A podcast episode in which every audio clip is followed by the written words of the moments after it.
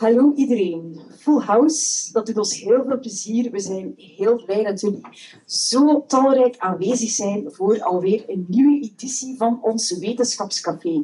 Jullie zitten in Eetcafé Toreke en op geregelde tijdstippen wordt dit café een echt wetenschapscafé, waar we met twee interessante sprekers in gesprek gaan over wat ons boeit. En het is heel duidelijk dat het onderwerp van deze avond heel veel mensen boeit. Want het gaat eigenlijk over ons deze avond. Het gaat over wie wij zijn en waarom we zijn wie we zijn. Het gaat over onze persoonlijkheid en wat dat dan allemaal wel mag betekenen. Nu, voor we erin duiken, heb ik eerst nog wat praktische mededelingen met jullie te overlopen. Misschien kunnen we beginnen met wat er op de tafels ligt. En ik ben er zeker van de mensen die recht staan dat zij dat achteraf ook wel kunnen krijgen. Op de tafels ligt er een evaluatieformulier. Gaan al direct beginnen bij het einde. Als je zegt aan het einde van oké, ik wil hier mijn mening over geven, wat vond ik van dit gesprek en van dit format, vul dan zeker de papieren in. Als je geen papieren exemplaar hebt we kunnen bemachtigen, online kan ook. Het is een evaluatieformulier waar je een mini-EOS-abonnement mee kan winnen. En EOS is een heel interessant wetenschappelijk magazine. We geven er twee weg, dus dat vergroot de kansen. Als je niet bij het gelukkige winnaars bent, zeker geen probleem, want er komen nog heel veel wetenschapscafés aan dit seizoen. Ik ga even kijken en even spieken op mijn blaadje. Het eerstvolgende wetenschapscafé vindt plaats op 6 februari en gaat over hoofdpijn. Ziezo. En dan hebben we ook nog in februari, dat is 27 februari, en dat gaat over kwantumfysica. Iets waar je misschien hoofdpijn van kan krijgen, wie weet. Laten we hopen niet. Dat zijn de eerstvolgende edities. Um, wij hebben natuurlijk een boeiend topic voor de boeg en ik kan mij inbeelden dat hier heel wat mensen zitten die vragen hebben, vragen over dat topic. Mag ik jullie vragen om jullie vragen tot het einde te bewaren? Ik zal voorzien om zeker op tijd te stoppen, zodat we dan echt met de microfoon kunnen rondgaan en echt op al jullie vragen kunnen beantwoorden. Dus eh, dat gaan we zeker proberen doen. Nu, uh, ken je mensen die dit onderwerp interessant vinden, maar hier helaas niet bij kunnen zijn vanavond? Geen paniek. Je kan ze geruststellen, want alles wat wij zeggen wordt opgenomen deze avond. Achteraf wordt het beschikbaar gesteld als een YouTube-fragment en ook als podcast.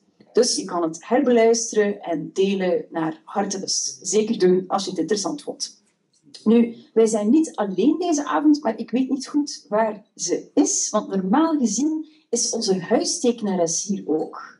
Iris, kon ze er niet bij zijn? Ze gaat achteraf tekenen. Aha, oké. Achteraf komt er ook een visueel verslag eh, van wat wij hier deze avond eh, hebben mogen horen. Dat is een hele mooie tekening van onze huistekenares Iris. En die zal verschijnen op de website van het Wetenschapscafé en ook nog op onze andere sociale mediakanalen. Dus hou zeker uh, die kanaal in de gaten voor een mooie tekening.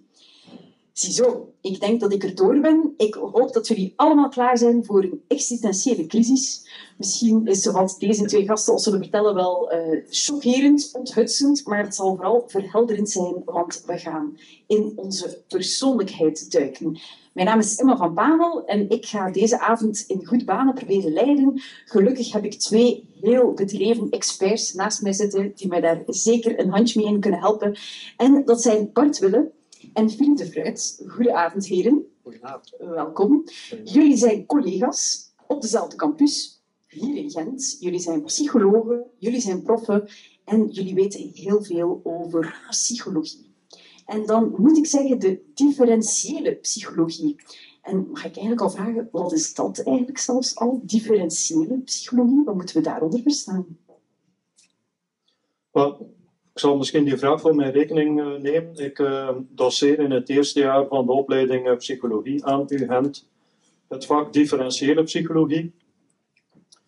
We verschillen allemaal op x aantal vlakken. Bijvoorbeeld, we verschillen op vlak van interesses. Het feit dat er hier vanavond een hele pak volk zit die geïnteresseerd is in een topic als persoonlijkheid, hè, vertelt iets over uw interesses. Dus interesses is een van de studiegebieden van de differentiële psychologie. Daarnaast verschillen mensen nog op veel andere vlakken. Cognitieve capaciteit, bijvoorbeeld Bart en ik op weg naar hier, en sommigen onder jullie, om dit hier te vinden. Heb je spatiale vaardigheden nodig. Eh, sommige mensen volgen blindelings een GPS. Anderen uh, die uh, volgen liever een kaartje of hebben een beschrijving gekregen links en dan weer rechts en zo verder. Dus cognitieve capaciteit is een ander terrein van individuele verschillen, waar we allemaal, de ene is numeriek wat sterker, nog iemand anders die is veel beter in kaart lezen en zo verder. Dus daar maken wij in de differentiële psychologie allemaal modellen voor. We maken modellen om mensen hun interesses te beschrijven. Waarden is een ander belangrijk uh, topic. Cognitieve capaciteit is een belangrijk topic. En persoonlijkheid, waar het vandaag over gaat, is een heel belangrijk topic.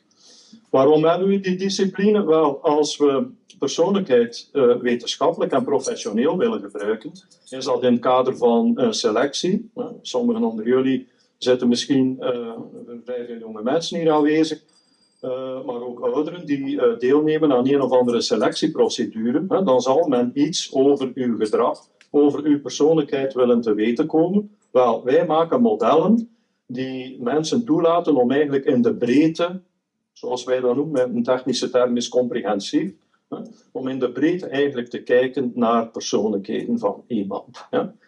Dus er is altijd een heel toegepaste component. Dus in de differentiële psychologie maken wij modellen en, en kijken we wat moeten we gebruiken om in de klinische praktijk of in de selectiepraktijk, whatever, of als jullie met problemen zitten rond opvoeding van jullie kinderen en je denkt, de, mijn, mijn adolescent of mijn puber, zijn persoonlijkheid ontwikkelt niet uh, gelijk ik het wil, of uh, een beetje een aberrant, of wat dan ook. Wel, wij maken modellen om dat te meten en, en, om dat behapbaar te maken. Zodanig dat we daar onder collega's kunnen over communiceren, hè, maar dat we dat ook kunnen meten. Hè, want dat is een heel belangrijk iets. Hè. Je kunt in wetenschap um, veel claims maken, maar een, een heel essentieel onderdeel van wetenschap is dat je eigenlijk ook de dingen kunt meten. Zeker, en daar gaan we straks zeker ook nog op terugkomen op die modellen en hoe jullie dat dan exact meten. Um, Philippe, als ik jou verder mag voorstellen, jij onderzoekt ook sociaal-emotionele vaardigheden bij jongeren. Daar kunnen we straks zeker ook over hebben. En jij maakt ook instrumenten om verschillen tussen personen te beschrijven. Daar ben ik ook benieuwd naar, maar dat komt ook straks. En naast jou zit jouw collega Bart. Uh, Bart Wille, jij um, bestudeert ook uh, de differentiële psychologie en dan meer specifiek de rol die individuele psychologische verschillen hebben op het functioneren van mensen op hun werk. Dus jij zit in de kant van de HR-management. Heb je dat goed? Onder andere, ik denk mijn uh, collega Philippe heeft het goed beschreven. We hebben aan de ene kant nood aan modellen die beetje de fundamenten van die individuele verschillen proberen blootleggen en die beschrijven. En dan aan de andere kant gaan we proberen ook, ik zie daar iemand zo doen, uh, misschien omdat ik luider moet praten. Ja. Of misschien een beetje beter. Ja. Um, dat is wel heel super. Um, live feedback is altijd uh, handig. Maar goed, is aan de ene kant die theoretische modellen en aan de andere kant ook de vraag wat doen we daarmee in de praktijk. En dat is vooral wat mij professioneel bezighoudt. Kijken naar toepassingen van wat we halen, de resultaten of de inzichten die we halen uit die metingen in allerlei professionele contexten van mensen. Wat, zijn we daarmee? Wat kunnen we daarmee? Kunnen we mensen advies geven om op zoek te gaan naar een bepaalde opleiding of naar een bepaalde job die bij hen past of die uh, meer biedt dan wat ze nu hebben? En dus dat is vooral mijn, uh, van onderzoek. Oké, okay, daar wil ik straks ook graag nog even over hebben. Uh, heren, het is niet makkelijk. Iedereen zegt wel iets over persoonlijkheid. Hè. We hebben een sterke persoonlijkheid, of die persoon is nogal gesloten, die is nogal open. Dus we nemen dat woord eigenlijk heel snel in de mond. Maar kunnen we eigenlijk makkelijk vandaligwijs zeggen wat dat nu eigenlijk is, persoonlijkheid? Of gaan we dat pas aan het eind van dit gesprek te weten komen? Ik denk dat we dat heel moeilijk makkelijk kunnen zeggen in één of twee, drie lijntjes. We hebben wel onze standaard definities die onze studenten ook elk jaar uh, massaal te horen krijgen. En mijn hoop is inderdaad dat we er vooral in slagen om een gesprek van één uur, anderhalf uur, ik weet precies hoe lang het zal zijn. Maar dat we op die manier iedereen wel een beeld kunnen geven van vooral de complexiteit van wat persoonlijkheid allemaal is en wat we er ook kunnen mee aanvangen. Ik heb jou, Filip, daarnet horen zeggen gedrag dat is een belangrijk kenmerk van persoonlijkheid, of een, een synoniem zou je kunnen zeggen? een niet al te ingewikkelde definitie om misschien voor het begin van de avond uh, te gebruiken is eigenlijk hoe iemand zich doorgaat, hoe iemand zich typisch gedraagt. Om dat wat bevattelijk te maken, uh, stel dat je een feestje organiseert en je inviteert mensen, dan weet je, zegt, we vragen wat volk om uh, te komen eten op een zaterdagavond en zegt aan de mensen, kom af rond 7 uur. Wel, uh, wat je weet is, en uh, wat min of meer voorspelbaar is, dat sommige mensen altijd te laat komen. Hè? Uh, ook wat heel vervelend en nog vervelender is, dat sommige mensen ook te vroeg komen. Hè? Je bent nog bezig in je keuken met je eten klaar te maken. En, hè? Dus dat illustreert naar de manier waarop mensen zich typisch gedragen. Hè? En dat impliceert meteen dat eigenlijk gedrag ook een zekere voorspelbaarheid krijgt. De context waar Bart naar refereert, de werkcontext. Als we persoonlijkheid bij mensen gaan meten, dan gaan we dat doen omdat we proberen gedrag in de toekomst. Hoe gaat zich iemand gedragen in een werkcontext, op een werkvloer, in een verkoopsgesprek, als je een salespersoon uh, moet gaan selecteren? Hoe gaat hij of zij dat doen? Dus het idee is, hoe gedraagt iemand zich typisch? Dat is een zeer pragmatische definitie. Um, en het achterliggend idee waarom het nutswaarde heeft, is dat we het gebruiken niet alleen om meer inzicht te krijgen in iemand, maar eigenlijk dat we het ook kunnen gaan gebruiken voor predictieve doeleinden. Dat we voorspellingen kunnen maken omtrent eventueel studiesucces, omtrent uh, hoe iemand uh, een bepaalde job gaat doen, uh, ook in termen van gedrag die we niet willen zien. Als we bijvoorbeeld mensen moeten gaan selecteren voor bepaalde veiligheidsfuncties, of als je politiemensen moet selecteren, dan wil je volk selecteren die, als ergens in een conflict situatie komen, die eigenlijk uh, beheerst ook kunnen optreden.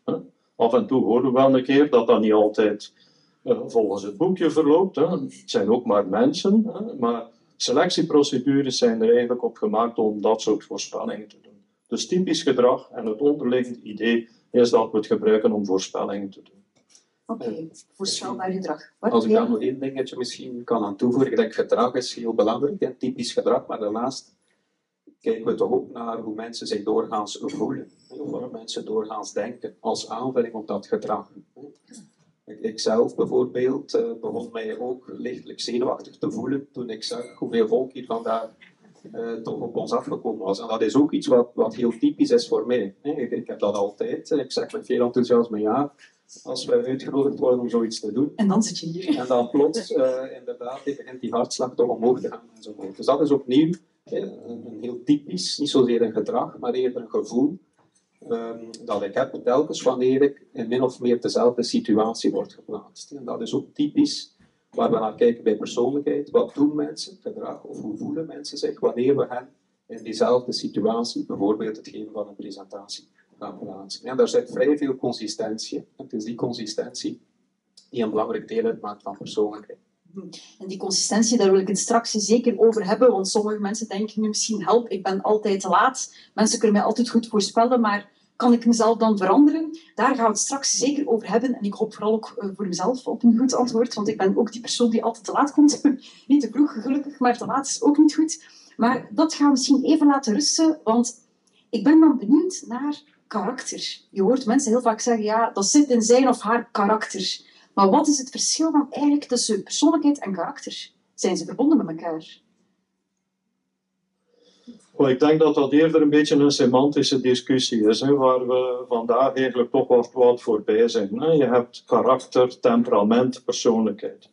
De aanname was vroeger altijd een vanuit wetenschap dat karakter en temperament, dat dat eerder biologisch bepaald was en een heel sterke genetische component had ook. Hè. Uh, en dat persoonlijkheid eigenlijk uh, ja, daar een beetje achter kwam, meer beïnvloedbaar was vanuit de omgeving, terwijl vandaag de dag gebruiken we die termen eigenlijk uh, bijna door elkaar. Ik denk de onderscheiden die zijn er nog historisch, hè, voor mensen die in de geschiedenis van de psychologie kijken, maar vandaag gebruiken we eigenlijk die termen door elkaar. Want wat we gebruiken als indicator van temperament, bijvoorbeeld iemand die veel energie heeft, uh, uh, gebruiken we even goed in een persoonlijkheidsvragenlijst als in, een temperamentsvragenlijst. Dus als je kijkt naar de manier waarop we die concepten operationaliseren, waarop we dat proberen meten, dan gebruiken we dezelfde indicatoren voor karakter, voor temperament als voor persoonlijkheid. Oké, okay. wat ga je daar iets op aanvullen? Nee, ik denk dat het vooral uh, taalgebruik is. Maar ik denk in dat opzicht, als ik kijk uh, naar hoe mensen met individuele verschillen omgaan in dat dagelijks taalgebruik, dat het concept persoonlijkheid ook heel veel gebruikt wordt. Ik zag gisteren nog een bericht uh, op een of andere nieuwsite met de vraag welke pizza-persoonlijkheid heb jij? Dus dat illustreert voor mij opnieuw dat de term persoonlijkheid een term is die heel goed ingeburgerd is. Uh, wat mij betreft terecht, omdat we er ook heel wat kunnen mee doen.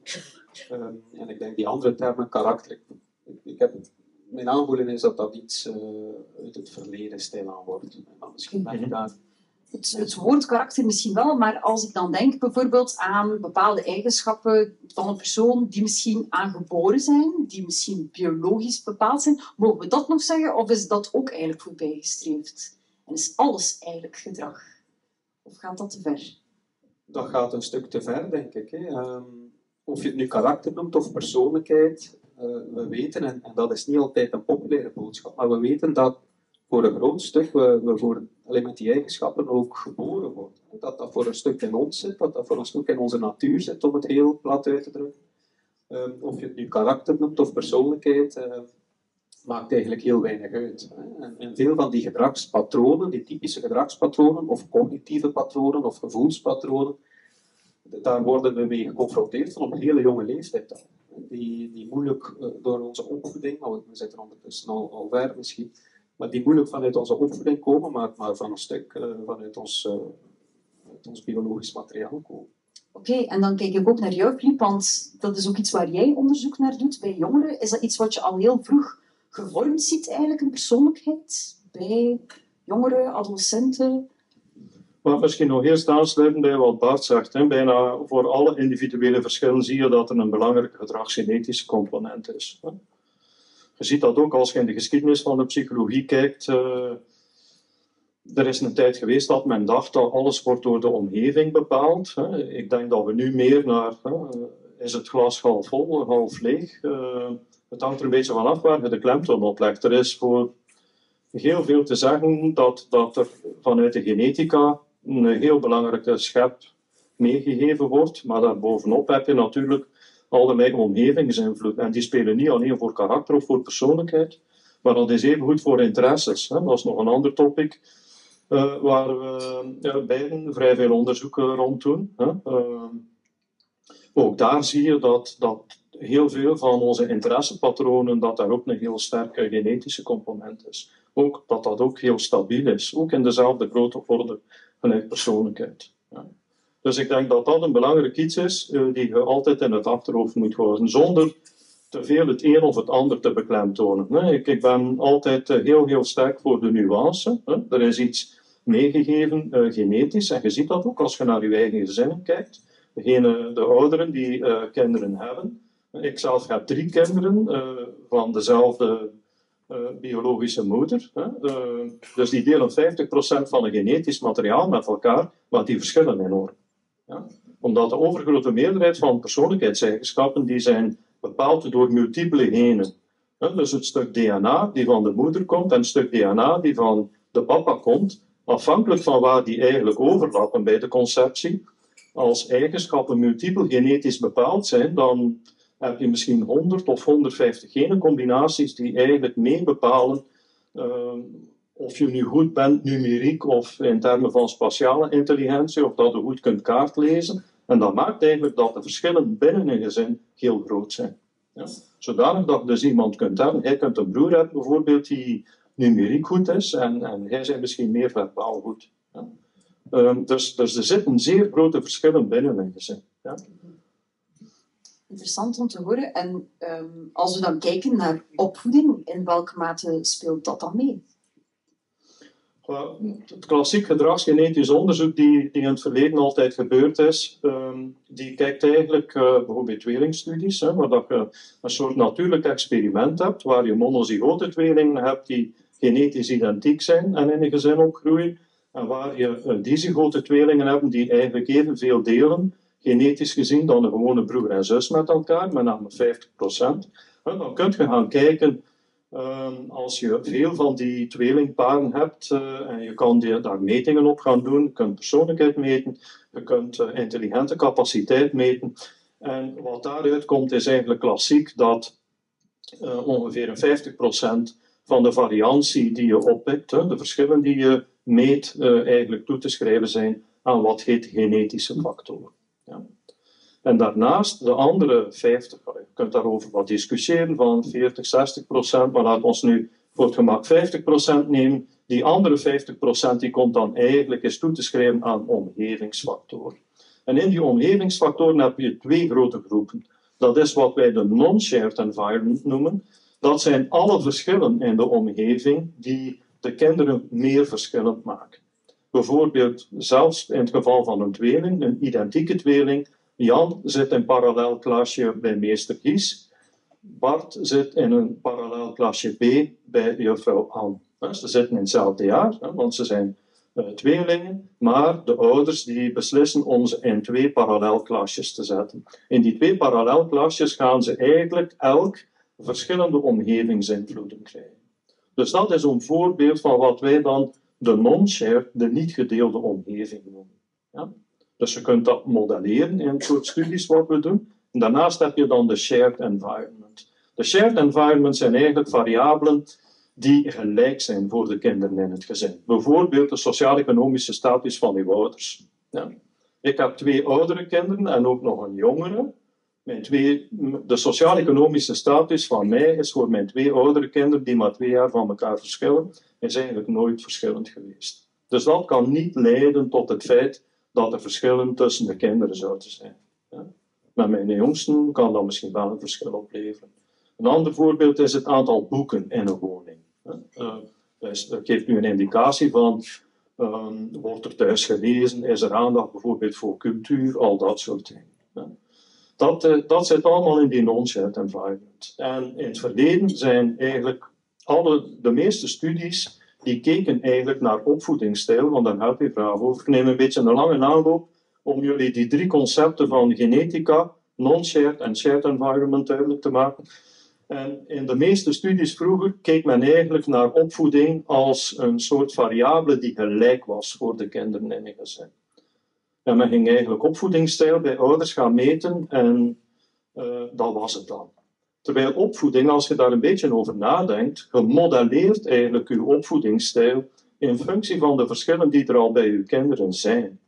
Degenen onder ons die, die uh, twee of drie kinderen hebben, of degenen die jonger zijn, en een keer in hun eigen gezin kijken, dan gaat zien dat uw ouders natuurlijk wel samen een bepaald idee hebben over hoe ze kinderen willen opvoeden, maar de concrete realisatie daarvan is altijd in functie van een specifiek individu. De ene komt op tijd thuis en de andere komt systematisch twee, drie uur later thuis.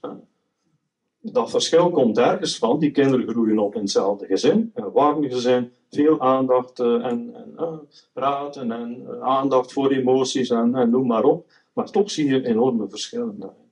En in het verleden is er altijd gekeken eigenlijk in studies naar opvoedingsstijl als een soort een één een soort monolithisch construct. En wat gelijk zou zijn voor kinderen. Dus we hebben niet echt goed materiaal om dan allemaal te gaan bestuderen wat, wat de impact eigenlijk van, van opvoeding is op.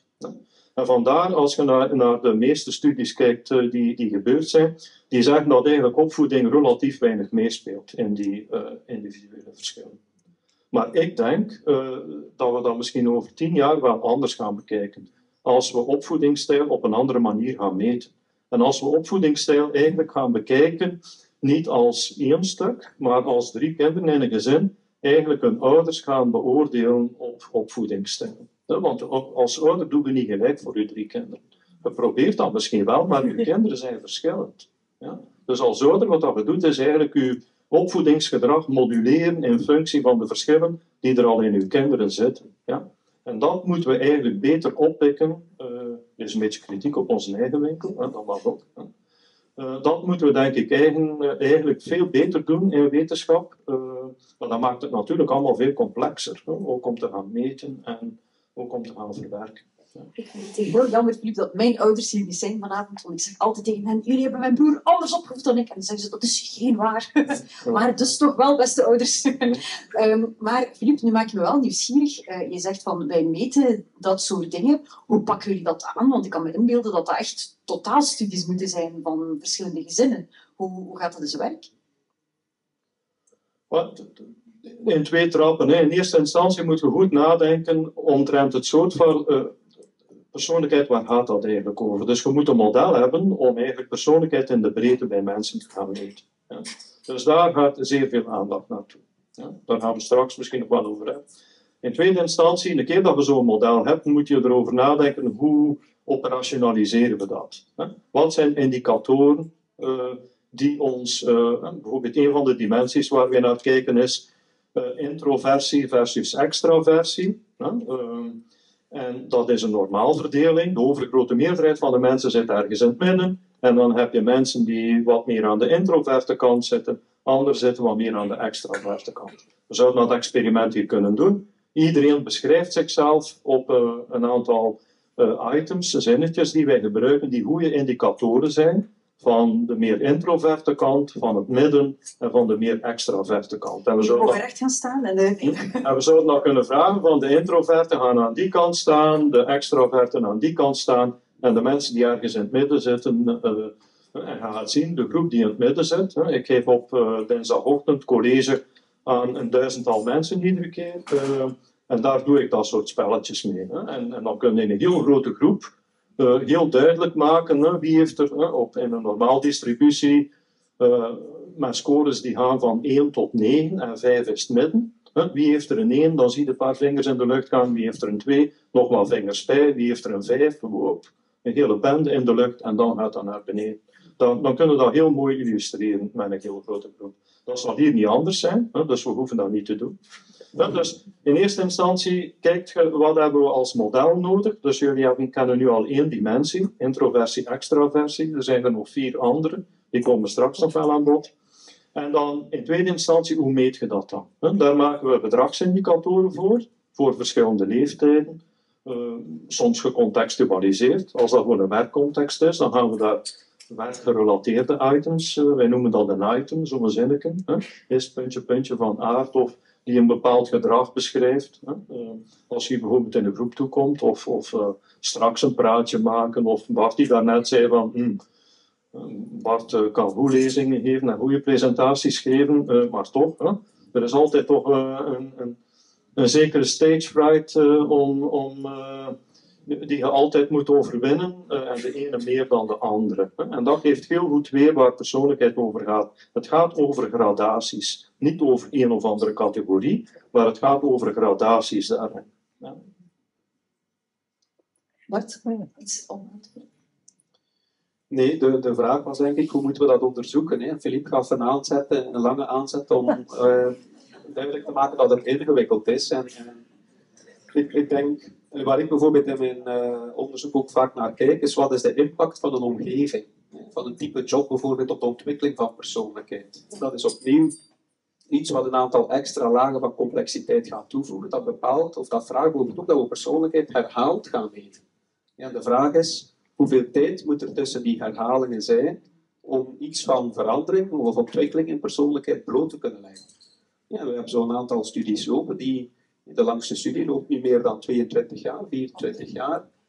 Um, wat illustreert uh, hoe moeilijk het is om, om persoonlijkheidsontwikkeling, bijvoorbeeld persoonlijkheidsverandering, bloot te gaan leggen onderzoeksmatig. Okay. We praten daar vaak uh, over, ik ben veranderd, wordt er wel eens gezegd, maar in de realiteit en vanuit ons onderzoek weten wij dat dat heel moeilijk is, heel traag gaat en okay. onderzoeksmatig heel uitdagend. Goed, wij hopen dat we de mensen niet ontmoedigen, want ik wil straks zeker nog op die verandering ingaan. Um, als we even gaan kijken naar die modellen, we hebben het al gehad over introvert en extravert. Dat is dus één, hoe moet ik het noemen, persoonlijkheidsdimensie, persoonlijkheidstrek. Maar Filipje zei, er zijn er nog vier. Kunnen ja. jullie ze overlopen? Wel, dat is natuurlijk um, heel veel uh, onderzoek gebeurd en heel veel discussie geweest omtrent wat, wat zijn nu eigenlijk een behapbaar aantal dimensies die we kunnen gebruiken, hè? want we verschillen allemaal op honderden trek. De eerste keer dat u lief meebrengt naar huis uh, en gevraagd van, is het goed dat ik iemand meebreng, voor de jongeren onder ons? dan geef je eigenlijk aan je ouders al een zekere beschrijving over iemand zijn persoonlijkheid. Lief, aardig, studeert goed, een heleboel wenselijke dingen. De vraag is, hè, rijk, rijk, hè, ziet er goed uit. Hè, de vraag is, ehm, hoe ver moet je daarin gaan om eigenlijk de grote variabiliteit die wij hier vanavond in het publiek kunnen zien, uh, hoeveel van de variantie kunt je eigenlijk proberen vatten met een beperkter aantal dimensies. Als je dat kunt, dat, dat is fantastisch. Denk aan de kleuren. Eigenlijk zijn al de kleuren die hier te zien zijn vandaag, uh, van de kleding die we aan hebben, dat is eigenlijk allemaal terug te brengen tot onderlinge menging van drie basiskleuren. Als je dus die drie basiskleuren kent, kun je de omgekeerde beweging doen. Kun je eigenlijk enorm veel beschrijving maken. En dat is conceptueel wat eigenlijk in de persoonlijkheidspsychologie gebeurd is. Je had vroeger mensen die allerlei theorieën maken en die zeggen, mijn theorie is de beste. En die factoren die zijn de beste. En dan was er iemand anders die zei, ja, maar ik heb nog een factor meer bij, mijn model is veel beter. Nu, wat hebben we eigenlijk allemaal gedaan? We hebben gewoon een heel simpel uitgangspunt genomen en we hebben gekeken naar een woordenboek. Je neemt een woordenboek en je gaat blad per blad in die woordenboek af en je kijkt naar alle, e, e, alle woordjes die daarin staan, die passen in het zinnetje is puntje puntje van aard of van karakter eh, of van persoonlijkheid. Je ziet dat je daar ellenlange lijsten persoonlijkheidsbeschrijvende adjectieven krijgt. Wij gebruiken vooral adjectieven om een persoon te beschrijven. Lief, aardig, rijk, voor andere termen. Als je die daar allemaal uithaalt en vraagt aan mensen om zichzelf daarop te beschrijven en je kijkt naar de kern die daarin zit, dan kom je eigenlijk op vijf dimensies uit.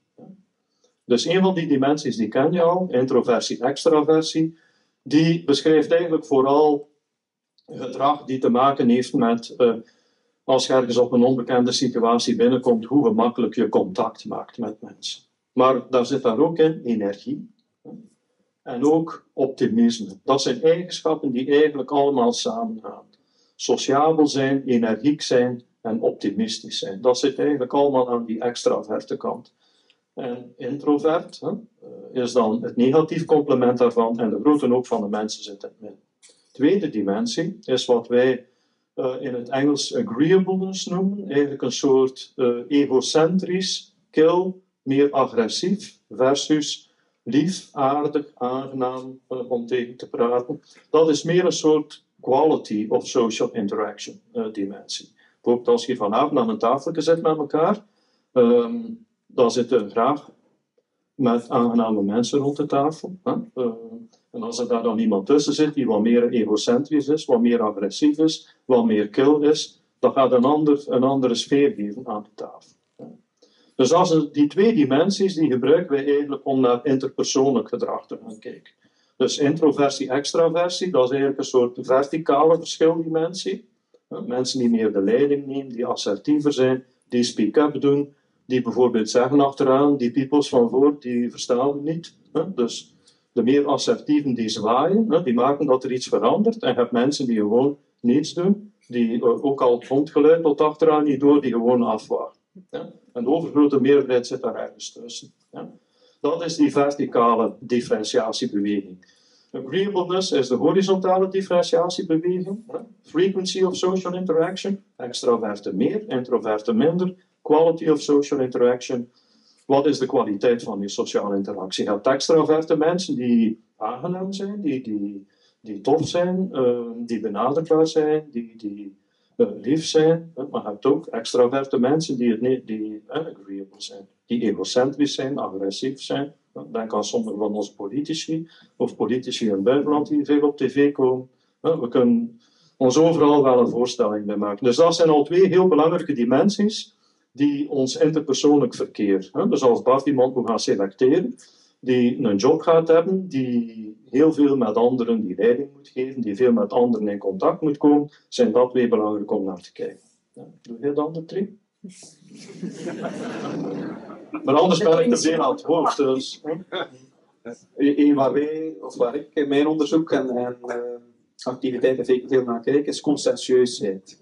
uh, iets wat in een werkcontext of in een studiecontext heel belangrijk is. Een hele moeilijke, lastige term, consensueusheid, om geheel van eigenschappen mee te beschrijven die gaan over werkgerelateerd gedrag. Orde, stiptheid, een stuk ambitie zit daar ook in.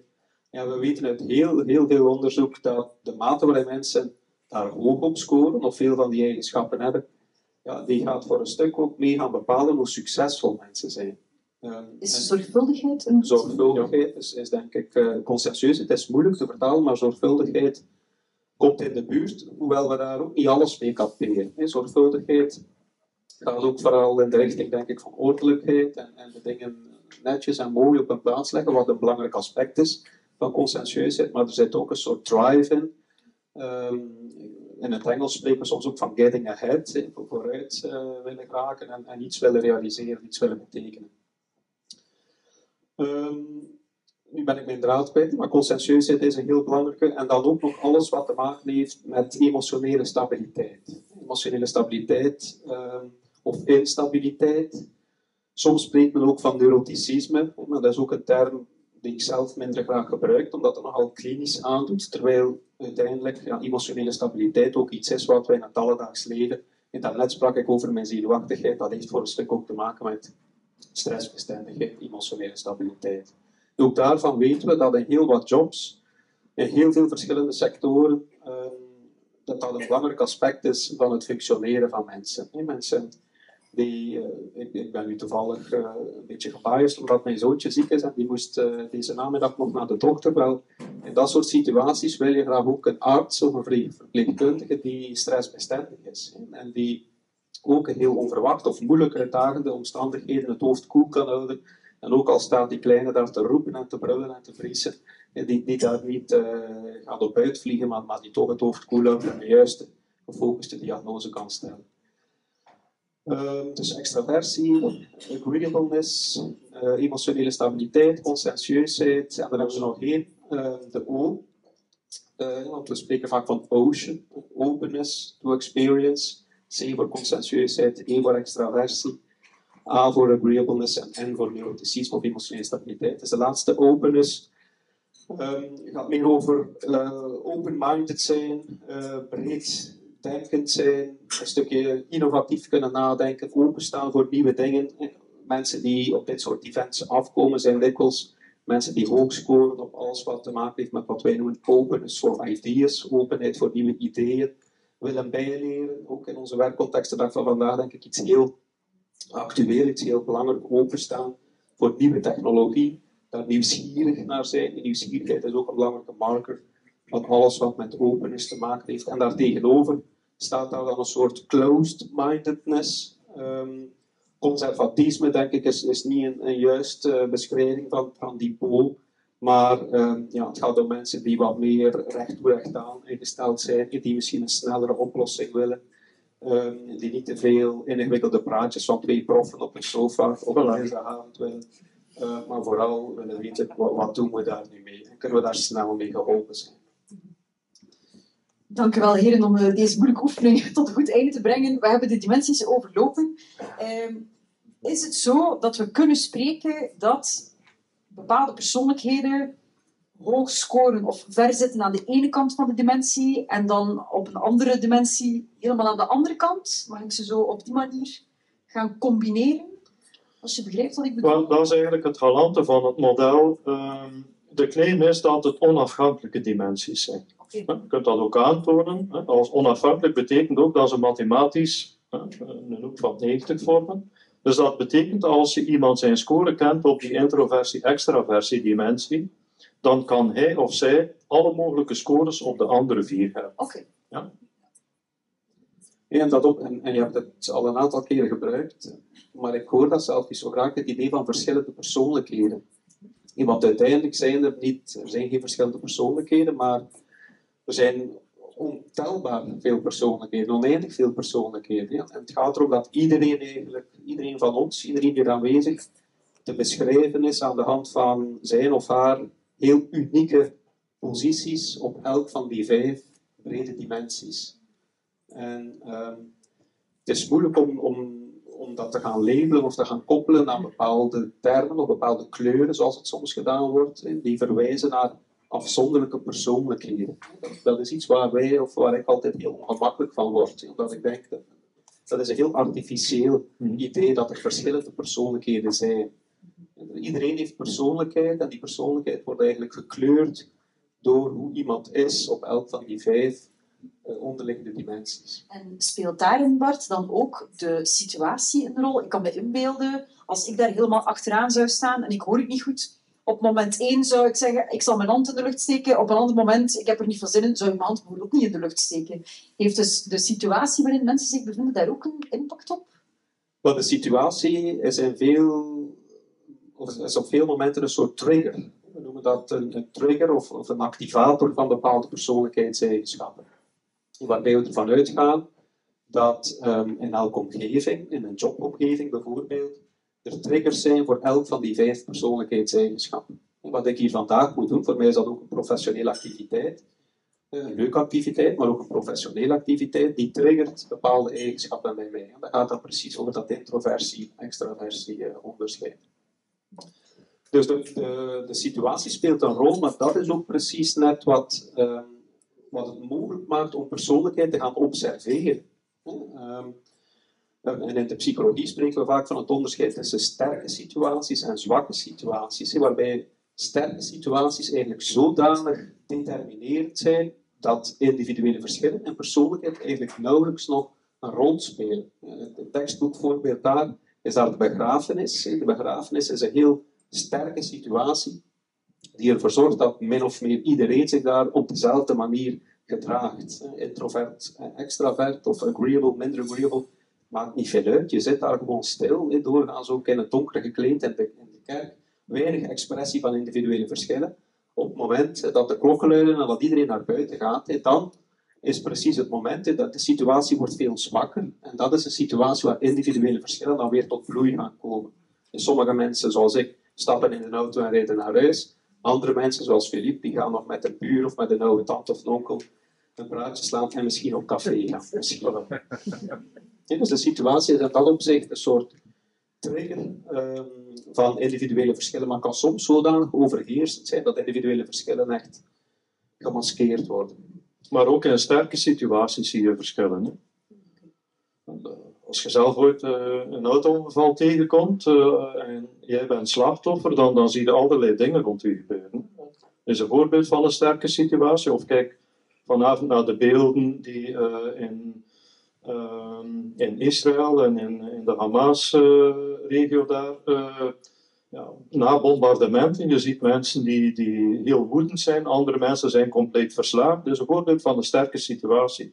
En ook in sterke situaties zie je zeer verschillend gedrag van mensen. Je hebt mensen die compleet uh, lam geslagen zijn, je hebt andere mensen die met de blote hand enorme rotsblokken proberen verduwen.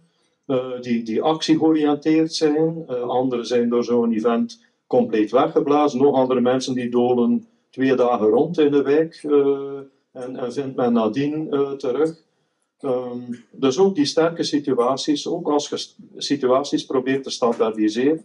Een examensituatie bijvoorbeeld aan de universiteit. Ik vind dat altijd interessant. om als voorbeeld te geven aan de student, wel, wat zie je daar? Je ziet enorme verschillen. Er zijn studenten, examen voor duizend man. We moeten dan voorbereiden, die examenkopieën eerst uitleggen en dan laten we ze binnen. Hè?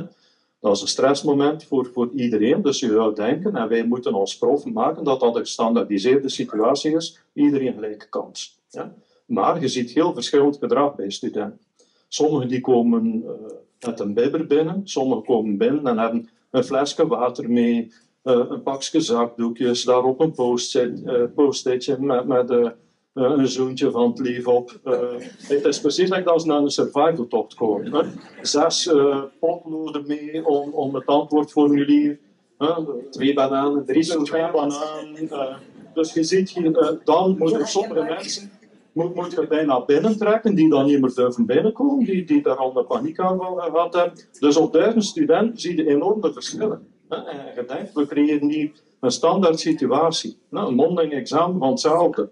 Sommige studenten stellen de vraag, ze weten het antwoord, die, die het antwoord vliegt daar dus uit. Uh, dat we bijna het in u gezegd, maar dat is geen slimme strategie. Hè, want na drie minuten zijn het uitverteld en die prof stelt een volgende vraag. Tot wanneer dat een vraag krijgt, dat het begint op te suikelen. En dan heb je ook nog een slechte indruk nadien, want je komt dan buiten en denkt, het examen is niet goed geweest. Nee, het examen is wel goed geweest. Ja? Maar je hebt altijd veel te rap geantwoord. Andere studenten zitten daar, hè, wij, wij noemen dat dan tandjes trekken. Hè. Het antwoord zit erin, maar we moeten het eruit halen.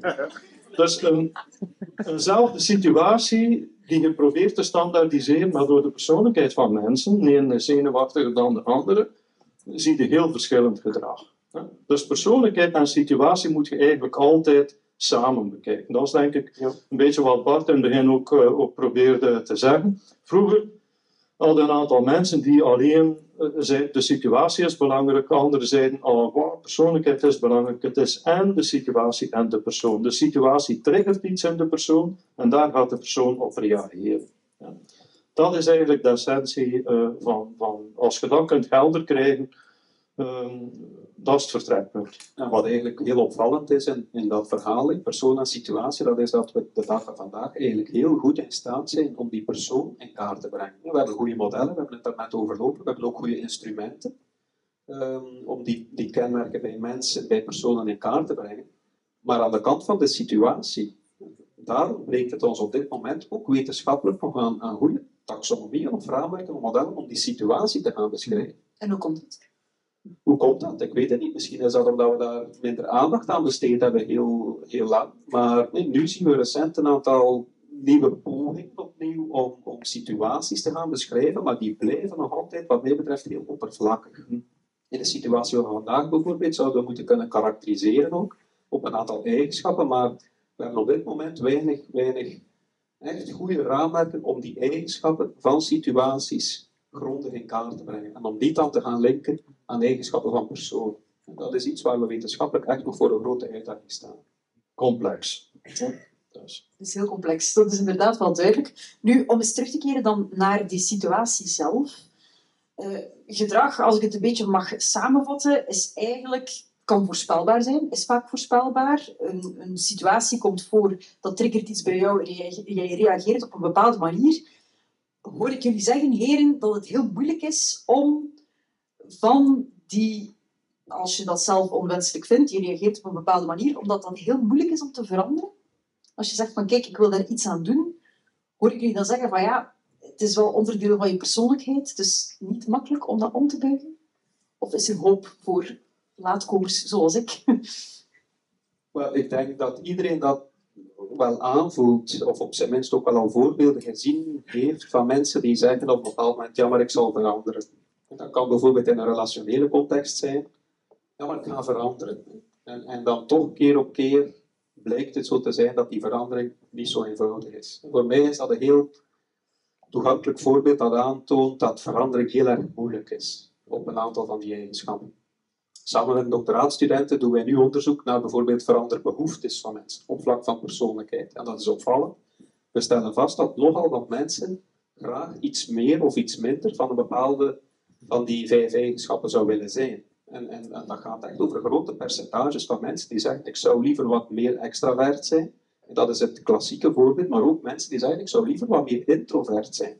Want ik loop altijd te, te roepen en te brullen en, ik merk dat dat, dat, dat uh, ook, ook schade berokkent, uh, professioneel, dat dat niet altijd goed onthaald wordt. Dus aan de twee kanten van die dimensies zien wij bij mensen nu dat daar vaak ontwikkelbehoeftes, veranderbehoeftes bestaan.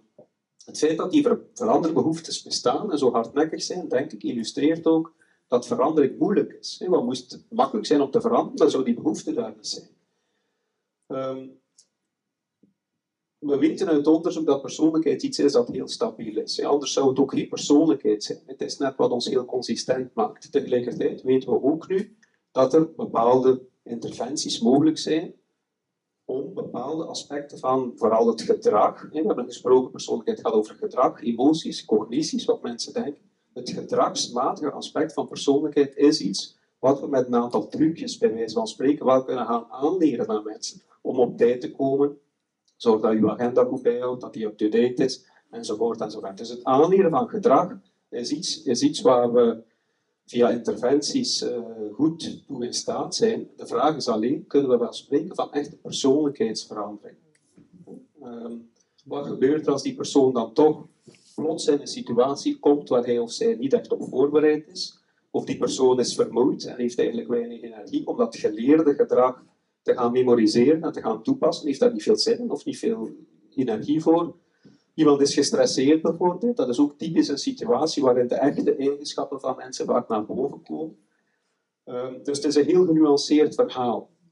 In die zin dat, dat we nu een aantal beloftevolle studies hebben die aantonen dat die veranderbehoeftes, als die heel hardnekkig zijn en de persoon is echt gemotiveerd om daaraan te werken, om daar bepaalde gedragsverandering vrij persistent, heel langdurig te gaan initiëren, maar is dat echt persoonlijkheidsverandering? Dat is eigenlijk een soort filosofische vraag ook bijna. En een heel genuanceerd antwoord daarop, denk ik.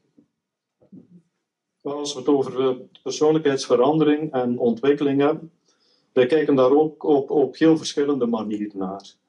Er zijn een aantal patronen uh, voor die vijf factoren die we eigenlijk in alle mogelijke culturen observeren. En bijvoorbeeld mensen worden wat minder uh, extravert, wat minder neurotisch en worden wat meer conservatief. Hè? Dus neuroticisme uh, gaat naar beneden, extraversie gaat naar beneden en openness gaat naar beneden. Dus we worden wat meer conservatiever met ouder worden. We worden wat minder energiek met ouder worden. Dat is een indicator van extraversie. En we worden, dat is goed nieuws, we worden wat stabieler met ouder worden. Omgekeerd, we worden ook milder, agreeableness. Dat is een, we worden wat milder met ouder worden. Als ik naar mijzelf kijk, vroeger had ik nogal heel hevige opinies over allerlei dingen. Uh, en uh, met ouder worden vlakt dat allemaal een beetje af en, wordt gewoon milder voor iedereen. En we worden ook meer consensueus met ouder worden. Dat is ook een goede zaak, de jongeren kennen dat. Hè? Als ik aan mijn studenten vraag uh, die op stage zitten, hoe is het op de stage? het is lastig. Ik denk, lastig, waarom? Ja, we moeten daar op tijd zijn. Want het is niet een prikklok. Als, zolang we pas aan het komen, moeten ze niet op tijd zijn, want de lessen worden opgenomen en ze kunnen toch uitgesteld kijken en hebben ze geen zin of uh, zijn ze maar om zes uur op een kot geland en de les begint om negen uur, who cares? Ja. Guess what? Uh, als je op stage komt, dan moet je daar wel zijn en gewassen. Ja. Dus we worden meer agreeable met ouder worden, we worden meer consensueus met ouder worden, we worden wat minder on average extravert, uh, wat minder neurotisch en we worden iets conservatiever met ouder worden. Stemmen voor de groene rode partijen als ze jong zijn, vanaf het moment als ze aan het afbetalen zijn aan hun huis, durft men anders stemmen. Dus dat zijn eigenlijk wat, wat wij normatieve trends noemen. Als je naar een, een heel grote hoop mensen kijkt, Ehm, dus dat is verandering. Dit is één aspect van verandering. Iedereen verandert ongeveer een beetje in dezelfde mate. Maar daarnaast blijven de onderlinge verschillen die er zijn, die blijven wel behouden. Dus wie vandaag, als je aan de tafel zit en we zouden een persoonlijkheidstest bij jullie afnemen, of een persoonlijkheidsvraaglijst, degene die aan die tafel zit, mevrouw op de hoek bijvoorbeeld, uh, jij komt daar vandaag als de meest extraverte uit. Ik heb net gezegd, als we die oefeningen zouden doen, binnen uh, 30, 40 jaar, dat we allemaal weer samenkomen met 150 man, uh, en we uh, doen opnieuw de test, dan gaan we zien dat het gemiddelde extraversieniveau naar beneden gaat gegaan zijn, maar degene die het meest extravert is aan de tafel, die gaat jaren later ook nog het meest extravert zijn. Voorbeeld om dat te is, vroeger gingen we altijd met dezelfde groep jaren aan een stuk gaan skiën. Als we jong waren, dan sloten we met dezelfde mensen de bar voor de après-ski uh, af. Rond 1 uur, half 2 soms een keer. Twintig jaar later, nog altijd dezelfde mensen die een bar sloten, nog altijd dezelfde die vroeg gingen gaan slapen. Maar, wat was het verschil? We sluiten niet meer om half 1 of om 1 uur of half 2, half uur. Ja. Dus het average gaat naar beneden, maar de onderlinge verschillen die blijf je wel behouden. Duidelijk? Dus de ene zijn de normatieve patronen, die je in alle mogelijke culturen vindt. En, en de onderlinge verhouding, dat is eigenlijk wat wij rank order stability noemen. Uh, dus kijken naar verandering en ontwikkeling is een heel genuanceerd verhaal. Dan hebben we nog maar naar één trek tegelijk gekeken. Iedereen hier die heeft een combinatie van verschillende trekken. En, maar nu, nu gaat ingewikkeld worden. Ehm, dus ook dat verandert. En in aansluiting op, nog wat Bart uh, kwam te vertellen, ik denk persoonlijkheidsverandering en mensen die nadenken omtrent iets wat ze aan een persoonlijkheid willen veranderen, we gaan mensen ook vooral moeten leren hoe een persoonlijkheid getriggerd wordt in situaties. Ik denk een belangrijke uh, insteek om na te denken omtrent persoonlijkheidsverandering is leren inzien hoe de omgeving eigenlijk op u inwerkt, hoe dat iets losmaakt. Dat kan een discussie met uw partner zijn, dat je dat, dat soort conflictgebied aanvoelt en dat je dan eigenlijk uw reactie daarop, het is altijd de persoon en de omgeving. Dus veel van, van de interventies die zullen gebeuren rond persoonlijkheidsverandering, die hebben te maken ook met niet alleen uw gedrag of uw, gevoel of uw uh, cognities proberen uh, beheersen of moduleren, maar hebben ook heel veel te maken met het feit dat, dat, dat je kijkt wat triggert het mij nu? Uh, dat, ik mij op die of op die manier ga gedragen. Als je daarachter komt, dan staat het denk ik een heel stuk verder. Ja, het goede nieuws in dat opzicht denk ik is dat er voor elk van die twee extremen op één van die dimensies zijn er veel positieve dingen te zeggen. Het is niet zo dat er, dat er één, uh, voor elke dimensie één gewenste richting is, waarin iedereen zou moeten we moeten niet allemaal extravert zijn, we moeten niet allemaal introvert zijn of ergens daartussen, maar, maar zowel voor veel extraversie als voor veel introversie zijn er, zijn er veel positieve uitkomsten. Of zijn er veel situaties, jobs, opleidingen enzovoort denkbaar, waar die eigenschappen tot hun recht komen. En, en dat is denk ik um, een idee waar we soms ook moeten van afstappen, dat iedereen gelijk moet zijn, dat er een soort, dat ieder, vroeger was het idee dat alle leidinggevenden assertief moesten zijn. Dat is nu een idee. Die slingers die we nu helemaal de andere richting uh, inslaan. Leidinggevenden moeten nu vooral empathisch zijn en luisteren. Niet zozeer zelf veel aan het woord zijn, maar vooral anderen aan het woord laten en die dingen goed capteren. Dat is een goed voorbeeld, denk ik, van hoe die twee eigenschappen beide heel nuttig kunnen zijn uh, en die gecombineerd uh, binnen die persoon of zelfs binnen verschillende, door verschillende personen binnen een team Um, dus dat idee van iedereen moet zelf een ideale werknemer zijn, is iets wat we denk ik uh, achterwege moeten laten, omdat het ons ook veel stress uh. En dat vraag ik mij dan af, Bart. We zien wel nog altijd, als je solliciteert voor een job, dat je een hele grote vragenlijst voor je krijgt. Uh, je spendeert er heel wat tijd om die in te vullen. En uh, ik merk in mijn omgeving dat er mensen schrik hebben voor wat is de uitkomst van die test en wat als ik niet beantwoord aan het geschikte profiel mogen we dan zeggen dat die persoonlijkheidstests voorbijgestreefd zijn? Of zeg je van nee, die hebben echt wel een nut? Ik denk zeker niet dat die voorbijgestreefd zijn. Wat misschien wel voorbijgestreefd is, is het idee dat uh, werkgevers die dat soort testen gebruiken, uh, dat die kunnen vertrekken van het ideale profiel. En denken van oké, we hebben het ideale persoonlijkheidsprofiel in onze gedachten en we gaan nu een groep kandidaten, tien kandidaten, screenen, testen en daar dan diegene uitnemen, uitselecteren die zo dicht mogelijk aanblijft bij dat profiel.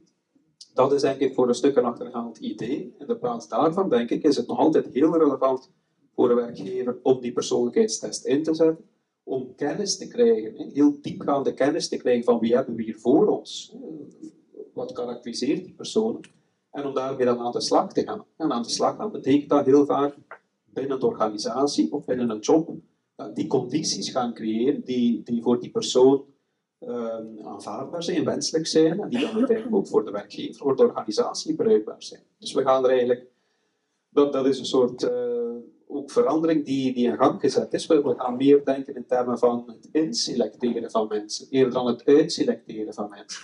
Inselecteren betekent kijken wie we voor ons hebben, wat zijn de eigenschappen van iemand die we willen aanwerven en daarmee dan actief aan de slag gaan. Eigenlijk is dat ook een soort van diversiteitsbeleid. We willen diversiteit in onze organisatie, ook in termen van persoonlijkheidseigenschappen. We willen alles voor een stuk uh, proberen binnenbrengen, omdat we ervan overtuigd zijn dat elk van die eigenschappen ook een nut hebben. Het is nuttig om mensen te hebben die hoog scoren op neuroticisme, tot op bepaalde hoogte. Dat zijn mensen die u ook scherp houden, die alert zijn voor mogelijke problemen, voor tegenslagen. Het is natuurlijk ook nuttig om mensen te hebben die laag scoren op neuroticisme, die heel emotioneel stabiel zijn, die, die altijd rustig kunnen blijven, ook in heel stresserende of onzekere situaties. En dat is denk ik uh, waar de grote kracht van persoonlijkheidsmeting nu in bestaat, om toch zicht te krijgen.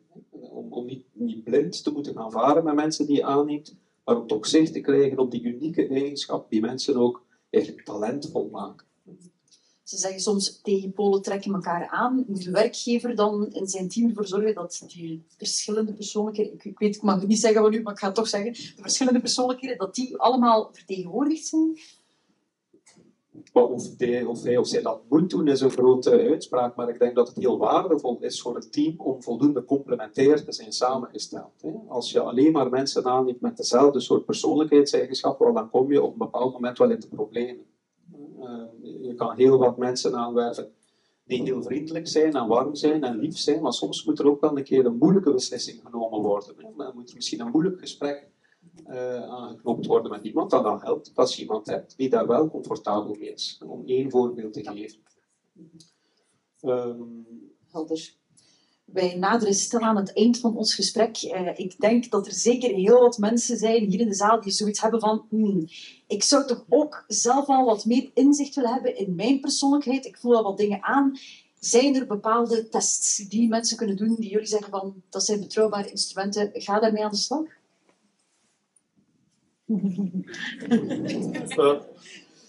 uh, die bestaan zeker natuurlijk, maar er, er, is ook, er zijn een heleboel producten op de markt die eigenlijk ja, um, heel quick and dirty, uh, denk ik, um, het topic benaderen en die eigenlijk afbreuk doen aan de normaalverdeling hè, uh, die we hier geponeerd hebben en, en alle eigenschappen die zijn normaal verdeeld. Dus zeer veel van de producten die op de markt zijn, die gaan heel categorisch te werk. We spreken van introverten en extraverten. En gaan mensen categorisch gaan opdelen. Dat is denk ik niet waar wij als wetenschappers voor staan. Dus een heel belangrijk iets is dat als je dat professioneel wil gaan gebruiken, is dat nu in het kader van de selectiecontext of uh, in, in het nieuwsgierigheid of voor je beroep, is dat je eigenlijk gaat zoeken naar een dimensionele persoonlijkheidstest. Dus ik heb er een aantal, uh, een aantal van gemaakt voor een werkcontext of, of meer in het algemeen. Maar je hebt dan toch nog altijd wel, uh, denk ik, iemand daarbij nodig. We hadden deze namiddag daar ook nog een discussie over met iemand. je hebt daar toch altijd iemand bij nodig die, die wat extra inzichten kan helpen. Want als je zelf zo een instrumentje doet en het rapport wat je dan krijgt, Mensen zijn nogal vlug overweldigd door de veelheid aan informatie, want wij meten niet alleen op niveau van die vijf dimensies, maar ook op een pak trekken die daaronder zitten. En, en, mensen filteren daar dan soms iets, iets uit, die ze uitvergroten, wat je eigenlijk in, in een bredere context moet zien en ook contextualiseren. Dus je hebt daar ook wel een stukje hulp bij nodig. Hè? Dus ik denk dat dat wel een belangrijke is, hè? Om, uh, om bij stil te staan. Uh, maar ook allee, dat je mondig genoeg bent uh, als je op je werk uh, verplicht wordt om aan allerlei oefeningen mee te doen die heel categorisch zijn, dat je dan ook speak-up kunt doen. Hè. voor de meer extraverten onder ons die af en toe een keer recalcitrant durven zijn, dat je dan durft zeggen van ja, wat met de overgrote meerderheid van de mensen die eigenlijk in het midden zitten. Dat je, dat daar ook een, eh, een lans voor breekt. Dus ik denk, het is, het is zeker eh, een, een kwestie van naar, naar goede instrumenten te kijken. Hè? Want er is nogal wat op de markt eh, die, die denk ik, eigenlijk niet beantwoordt aan wat wetenschap daarover zegt.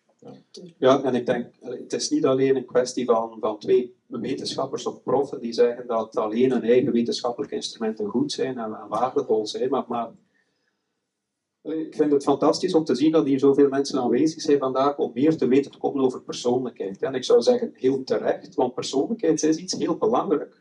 En, en, we zien dat ook in onze wetenschappelijke studies. Als we kijken naar welke eigenschappen van mensen die hebben een effect op het gedrag of op uitkomsten in het leven. Dat onderzoek toont aan dat persoonlijkheid een van de meest consistente, stabiele voorspellers is voor wat mensen tegenkomen in hun leven. Dat is een heel waardevol concept maar tegelijkertijd een heel ingewikkeld concept, complex concept. En dat vraagt, als we daarmee aan de slag willen gaan, voor onszelf of in een professionele setting of wat dan ook, dat we die complexiteit voldoende in rekening brengen. En dat is iets, we moeten daar niet beschaamd voor zijn, denk ik, om te zeggen van ja, misschien overstijgt dat um, heel wat kennis en know-how die, die bij jullie leeft en, en die je bij de man op de straat, de man of de vrouw op de straat leeft. En misschien moeten we ons daar daarvoor laten assisteren. We hebben elk jaar, hoeveel zijn het er? 400, 500 uh, psychologen die afstuderen hier in Gent. Mhm. En daarnaast in Brussel en in Leuven ook. Dat zijn mensen die getraind zijn en getraind worden in het afnemen van dat soort psychologische instrumenten om om te gaan met scores en, rapporten die daaruit voortvloeien. En, goed, die, die, die kennis is daar, die mensen zijn daar. En, en als we daar heel ernstig en op een professionele manier gebruik willen van maken van dat professioneel of van dat waardevol concept persoonlijkheid, dan moeten we ook niet twijfelen om, om dat soort mensen daarvoor mee in te schakelen. Jullie leveren goed werk en het is aan ons om die mensen vast te pakken en met hun instrumenten aan de slag te gaan. Filip, uh, Bart, ik wil jullie heel hard bedanken voor deze inzichten van de avond. Dank jullie wel. Graag gedaan. Heel Ja.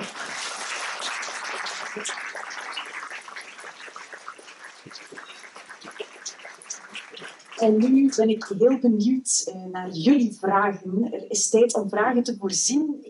Doen we deze micro of... Uh... Ik denk dat het moeilijk is om ertussen te lopen. Ja. Misschien de vraag herhalen. Misschien, ja, dan zal ik de vraag herhalen. Wie een vraag heeft, steek gerust de hand op. Probeer die luid en duidelijk uh, te zeggen. Dan, uh, dan ga ik die herhalen. Kan de persoonlijkheid van iemand veranderen in de loop van zijn leven? Ik had Bart al horen zeggen moeilijk, maar moeilijk is niet niet. Nee, nee, de persoonlijkheid van mensen kan zeker veranderen. De vraag is alleen, en sorry dat het weer ingewikkeld wordt, maar wat verstaan we onder verandering? Ik denk, Philippe heeft dat daarnet heel goed uitgelegd, door bijvoorbeeld te verwijzen naar het idee van normatieve verandering. Dat is iets wat ik in mijn eigen leven en, Philippe in zijn leven, en waarschijnlijk ook in uw leven zal mee geconfronteerd worden. U zal ook een aantal van die tendensen zelf bij u ervaren. In milder worden, minder extravert worden, dat soort tendensen um, zijn voor de meeste mensen van ons. Maar dat, dat noem ik geen verandering van persoonlijkheid. Als je milder wordt door te verouderen en zo. Maar werkelijk veranderen van persoonlijkheid. Ja.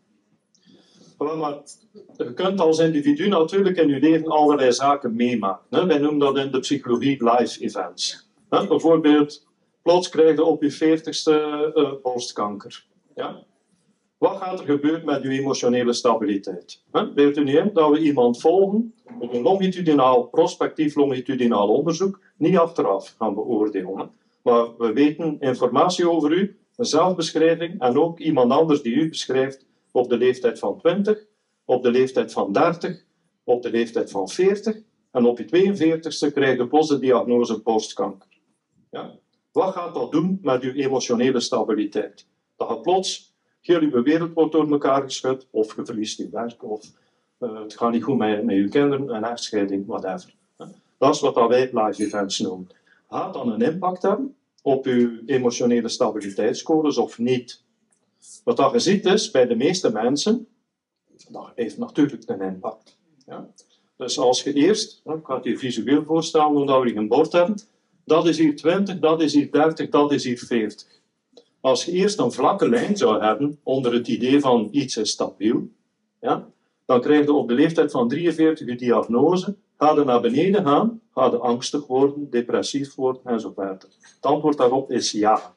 Dat is ook logisch, maakt iets waar mee. De vraag is, wat gaat er met u gebeuren? Stel dat het overleeft, hè, dat, uh, gunstige behandeling en zo verder enzovoort. Ga je eigenlijk na die tijd, ga je opnieuw naar uw initieel punt komen, naar de lijn van de blok hier? Of gaat er eigenlijk een soort scar-effect krijgen, litteken-effect? Gaat er daarvan niets blijven hangen? Dat gezegd van, ik ben minder stabiel geworden, ik ben depressiever geworden door dit mee te maken. Dat, dat is onderzoek wat wij doen, om, om te kijken. Wel, wat dat je ziet, wij noemen dat een setpoint model. Dat is dat de meeste mensen Degenen die meer neurotisch zijn, die reageren sterker daarop. Ja, dat is al een eerste bevinding. Maar de meeste mensen die hernemen eigenlijk een oorspronkelijke lijn na een tijdje. Ja? Dus dat is het idee van een setpoint. De, de vrouwen hier die ooit zwanger geweest zijn, er komt wat kilo's bij. Vanaf dat baby daar is, doen de meeste inspanningen om eigenlijk terug naar een soort setpoint van uw gewicht te komen. Bij sommigen lukt dat, yes, ze zijn dan content. Bij anderen lukt dat wat moeilijker. Maar dat is het idee van een setpoint. Dus daar is veel onderzoek naar gedaan. En je ziet dus eigenlijk dat, dat, dat er meer, dat meer gaat in de richting van stabiliteit dan van, grote verandering. Maar dan werkt dat, dat er voor een aantal mensen, want dat zijn allemaal studies die gebeuren op honderden mensen, dat er ook een aantal individuen tussen zitten die zeer zware veranderingen doormaken. Ja?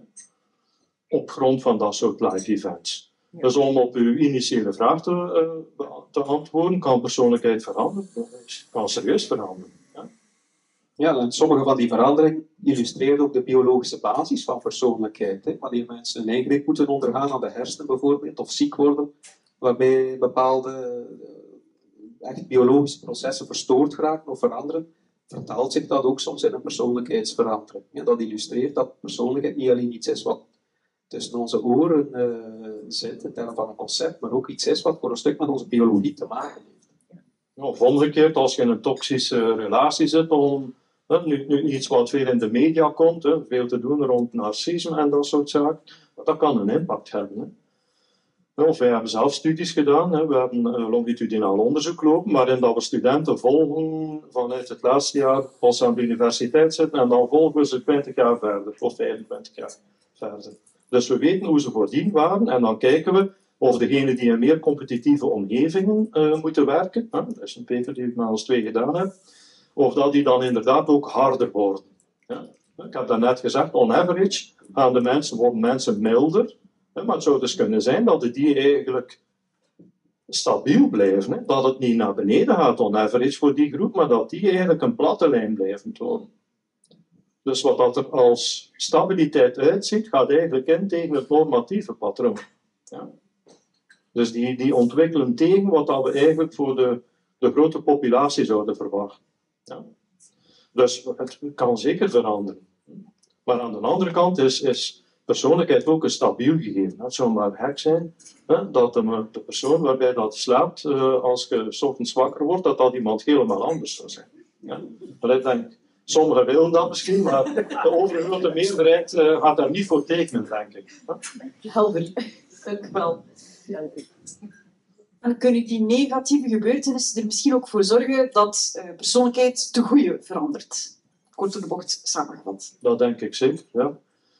Maar natuurlijk, again, het is zeer moeilijk om, om het te gaan onderzoeken, omdat je er zeer veel meetmomenten moet hebben. Dat, dat is altijd het grote issue als wij zo'n longitudinale studie opzetten. Uh, in mijn jonge jaren heb ik dat hier uh, proberen uit de grond te stampen. En dan was het goed dat Bart uh, dan verder kunnen continueren heeft. Maar je moet dus mensen eigenlijk gedurende heel hun levensloop kunnen volgen. En dan moet je eigenlijk op zeer verschillende momenten ook kunnen meten. Zodanig dat eigenlijk die schommeleffecten, ik in een piek naar boven, in plaats van een scar-effect, kan het inderdaad ook iets positiefs zijn dat blijft gaan. Dat, dat, dat kan even goed natuurlijk. Ik heb nu het voorbeeld gegeven over een, een negative live event, uh, zoals een ziekte um, of, of, een echtscheiding. Uh, maar, maar het omgekeerde is even goed mogelijk. Maar ik vind meneer zijn vraag heel terecht, omdat het gaat over niet alleen het idee van een live event. Scheiding is een, een voorbeeld van een live event, een ziekte is een voorbeeld van een live event, maar ook hoe, hoe kijken mensen, hoe ervaren mensen dat event. En, en onderzoek toont u aan dat, dat dat eigenlijk nog veel belangrijker is dan het event op zich, een scheiding op zich kan voor sommige mensen een drama zijn, voor andere mensen de opluchting van hun leven, bij wijze van spreken. En, en um, dat weten we nu ook wel. Uh, dat de perceptie van dat event, welke impact heeft dat event, dat daar heel veel verschillen in zijn en dat dat op zich ook een heel belangrijk aspect is in de verandering in de persoonlijkheid die dat met zich mee gaat brengen. Dus in dat opzicht, denk ik, is, is het ook relevant om daar in dat soort situaties vanuit, vanuit een therapeutische hoek rekening mee te houden. En probeer die ervaring op een of andere manier te gaan beïnvloeden. En die perceptie wordt misschien ook gekleurd door de persoonlijkheid. Ja, ja, zo is de cirkel rond. De cirkel is rond. Zijn er nog vragen? Verandert de maatschappij de persoonlijkheid? Hmm, hmm, hmm. Dat is een moeilijke ik ga één voorbeeld geven, daar, daar is zeker onderzoek naar. En, en dat is moeilijk onderzoek, in de zin dat we ook weten dat maatschappijen op zich niet zo snel veranderen. Er zijn wel verschillen tussen maatschappijen. En, en dat op zich is ook wel iets wat we vaststellen in, in persoonlijkheidsscores van bevolkingen. in die verschillende maatschappijen. Dat gaat niet zozeer over verschuivingen van maatschappij, maar om één voorbeeld te geven van een studie, uh, er bestaat een studie die gaat over het effect van bevolkings- of van maatschappelijke toestanden op narcisme-niveaus van mensen. En daarin weten we bijvoorbeeld dat naarmate maatschappijen het financieel beter doen, dat die narcisme-niveaus gemiddeld genomen in die volledige bevolking ook hoger zijn.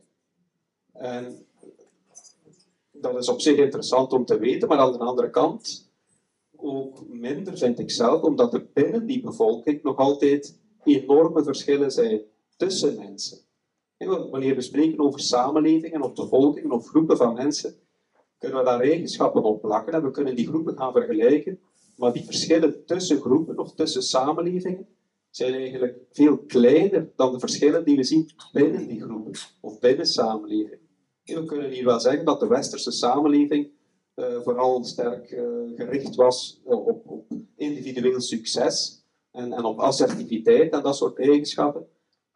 Maar uiteindelijk zien we binnen die westerse samenleving nog altijd heel veel verschillen tussen mensen. Sommige mensen gaan aan die maatschappelijke criteria beantwoorden en andere mensen gaan, gaan toch een ander persoonlijkheidsprofiel. Dus dat is misschien niet helemaal een antwoord op uw vraag. Um, ik denk de belangrijkste boodschap is dat er binnen samenlevingen heel wat verschillen zijn tussen mensen in die samenleving. Misschien om daar nog aan toe te voegen, de modellen die we gebruiken om naar persoonlijkheid te kijken, die vliegen in alle culturen. Het belang wat aan die vijf dimensies gehecht wordt, dat is wel verschillend in cultuur. Like dat Bart in onze westerse cultuur, assertief zijn, uh, speak up, achievement, is veel belangrijker hier. Ga je naar een Aziatische cultuur, ik zat vorige week in, in China, is veel belangrijker daar. Agreeableness, conform naar de groep, hoe men omgaat met hiërarchie. Hè? Hier als prof wordt aangesproken, hey, door, door een student. Uh, hinder, professor, ik, schrok me al de naap, ik ben al niet meer gewoon. wij, wij hebben hier een heel andere omgangsvorm uh, met elkaar, die veel informeler is en, en veel meer recht toe aan. In, in andere maatschappijen ligt dat heel anders. Dus ik denk de modellen die we gebruiken, die zijn uh, valide in al die culturen. De betekenis die we eraan hechten en het belang die we eraan hechten, dat verschilt natuurlijk wel enorm tussen culturen. Uh, en ook de ankerpunten die we gebruiken om onszelf eigenlijk als introvert of extravert te gaan beoordelen, of zijn we nu conscientieus of niet conscientieus. Dus bijvoorbeeld in, in uh, naar vergelijkende studies kijkt, wie scoort er het allerlaagst? Uh, als je naar uh, scores kijkt, geaggregeerd over individuen in landen, Japan bijvoorbeeld. Als er nu één land is, degene onder u die al in Japan geweest zijn, wel, iedere keer als ik daar kom, dan vind ik dat super georganiseerd. Treinen zijn stipt en stipt betekent op de 30 seconden. Hè. Mensen zijn ongelooflijk gedisciplineerd, ook om uit de trein te stappen. Hier, als je in Gent Sint-Pieter staat, uh, ze springen erop als ze nog moeten afkomen. En, en, daar staan de lijntjes getekend. En iedereen staat gewoon op zijn lijntje te wachten.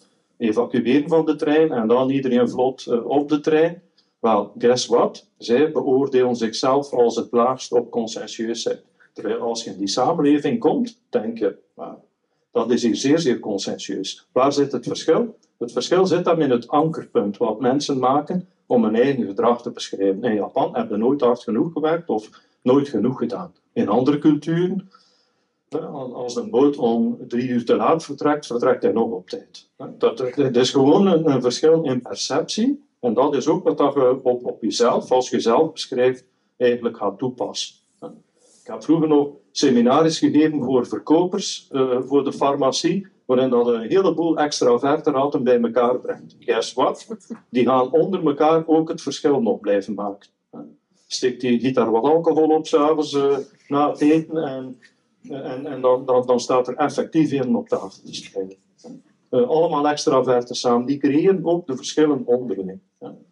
Dus het belang wat, wat vanuit de samenleving uh, aan bepaalde eigenschappen gegeven wordt, dat is zeker verschillend. Maar het model die we gebruiken om ernaar te kijken en de variabiliteit die je observeert binnen elk van die groepen, die is er. De verschillen tussen groepen zijn altijd kleiner dan de verschillen binnen groepen. Gelijk bij een gezin. Geen grote verschillen binnen een gezin. ehm, binnen een beroepsgroep, en dat is ook maar een geluk. Alle organisaties die in het verleden geprobeerd hebben om de verschillen te verkleinen, dat draait altijd op een fiasco uit, omdat de omgeving verschilt. Een goed voorbeeld is, defensie. Legers, die, die uh, trokken vroeger allemaal mensen aan die, die zoveel mogelijk gelijk moesten denken. de job bij defensie vandaag, dat ziet er helemaal anders uit. Je moet in verschillende culturen werken. Vandaag zit onder Noors uh, NAVO-commando, drie maanden later is een Nederlander uh, die aan de top staat. Het is zeer, zeer divers werk. Ja? Uh, waar openness uh, komt bij kijken, waar al die dimensies en de variabiliteit in al die dimensies komen bij kijken. Dus eerder dan te gaan homogeniseren in organisaties, moeten we gewoon gaan kijken van wat hebben we nodig? Een beperkt aantal eigenschappen om goed samen te werken en daarbovenop heb je heterogeniteit nodig. Like dat Bart zei, als je dan persoonlijkheidsassessment doet, dat je weet wie dat daar allemaal zit en dat we die verschillen tussen die mensen optimaal kunnen benutten. Zodanig dat je weet wie dat hier in de keuken moet zetten, wie dat hier uh, aan de techniek moet zetten, wie dat we er moet bij hebben om hier wat schwung in de tent te brengen en zo verder. Met die verschillen in uw organisatie het proberen doen, dat is, dat is de clue. Ja? Eerder dan mensen proberen gelijk te maken en te zeggen, die fit er niet in, die moet er hieruit. Die luxe hebben we niet meer op de arbeidsmarkt tegenwoordig. We moeten gewoon, wie, wie komt, moeten we kijken hoe zit die in elkaar en hoe proberen we die eigenlijk optimaal uh, in te zetten. Dus dat betekent niet dat we lukraak iedereen aanwerven, maar dat betekent wel dat we veel mensen aanwerven, maar dat we met assessment eigenlijk gaan kijken hoe kunnen we die mensen optimaal inzetten. Niet alleen voor de organisatie, maar ook voor die mensen zelf, want dat zal maken dat ze langer bij ons blijven. Ja.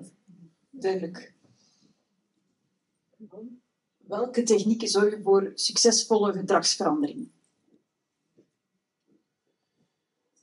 Um, er zijn een aantal technieken, is veel gezegd. Er zijn technieken. Mocht, mochten hier klinisch psychologen zitten, zou je denk ik een arsenaal kunnen uh, te horen krijgen van mogelijke interventies en scholen uh, van interventies. Um, daar ga ik het zelf niet over hebben, Philippe misschien iets meer uh, straks, maar, maar er zijn wel een aantal onderliggende principes die we kennen vanuit die persoonlijkheidsveranderinterventies die werken. En, en om één principe misschien te benoemen, en dat is het principe van het, het proberen visualiseren van het verschil tussen een actuele situatie en een gewenste situatie. En dat is iets heel belangrijk. Um, als het gaat over extraversie, proberen precies te visualiseren wat is de huidige situatie, wat is uw actueel gedrag, waarover gaat het precies, en wat is het gewenste gedrag. En hoe groter is de afstand daartussen. En, en dat is denk ik een heel krachtig principe, of onderzoek toont aan dat dat een heel krachtig principe is, om eigenlijk stapsgewijs een soort van gevisualiseerde brug tussen die twee, het, actuele en het ideale, om dat stapsgewijs eigenlijk te gaan proberen bereiken. Um, en dat is niet noodzakelijk heel ingewikkeld. Je, je kan dat proberen doen door, door na te denken, te reflecteren en, door het benoemen van die actuele situatie. En, en concrete voorbeelden te geven van situaties waarin bepaald gedrag belemmerend is, bijvoorbeeld. En, en hoe het dan beter of hoe het dan anders zou kunnen zijn.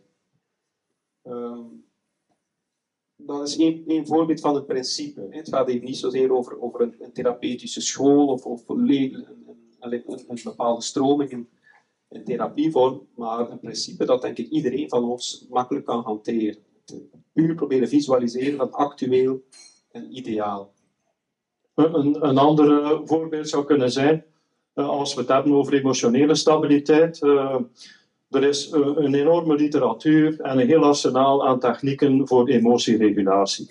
Ja, als je daar een keer naar kijkt, dan zie je dat er ook evolutie in zit. Vroeger dacht men, dat zijn goede strategieën en dat zijn minder goede strategieën. Bijvoorbeeld ontkenning zou een, slechte strategie zijn, terwijl reappraisal van de situatie is, eh, zou een voorbeeld van een goede strategie zijn. Wel, je ziet dat men ook therapeutisch daar revolutie maakt en dat men eigenlijk een beetje van dat idee afstapt en dat men eigenlijk mensen veel meer, dat is de skillsbenadering, een beetje waar dat jij in het begin aan verwezen hebt, wat wij nu proberen doen, is eigenlijk aan mensen leren van een soort toolbox te ontwikkelen, van jongs af aan. Zodanig dat je eigenlijk verschillende strategieën hebt om met een bepaalde situatie om te gaan. een, toen ik uh, vorige week uh, op de luchthaven daartoe kwam, uh, waren een aantal mensen die een bagage niet mee hadden. Een, een klassieker van Frankfurt naar Shanghai en de bagage is in Frankfurt blijven staan. Dit is een event. Hè? sommige mensen die zijn helemaal upset en, en is naar de knoppen, want ze hebben hun kleren niet en dit en dat. Daarmee heb je valies niet. Hè? Als, je daar in, als je je emoties niet kunt hanteren en je begint daar ze vraagt nu dan om een formuliertje in te vullen en dat soort dingen. En, en die madame die stak dan een hele parley af tegen uh, die uh, Chinese beambte die, die er nauwelijks iets van verstond. Maar daarmee heb je valies niet. Hè? Dus je leert eigenlijk aan mensen al die, al die kwaad verschillende skills. Daarmee heb ik mijn valies niet. Hè? Reappraisal van de situatie. Je maakt er een grapje van. Hè? Dan denkt je, ja, Misschien loop ik hier straks wel met, met een of ander leuk Chinees kleedje aan. Uh, en probeer er op een andere manier naar te kijken. Dus als je mensen een, een toolbox geeft van simpele strategieën, eerder dan te gaan zeggen: dit is slecht of, of dit is niet adequaat.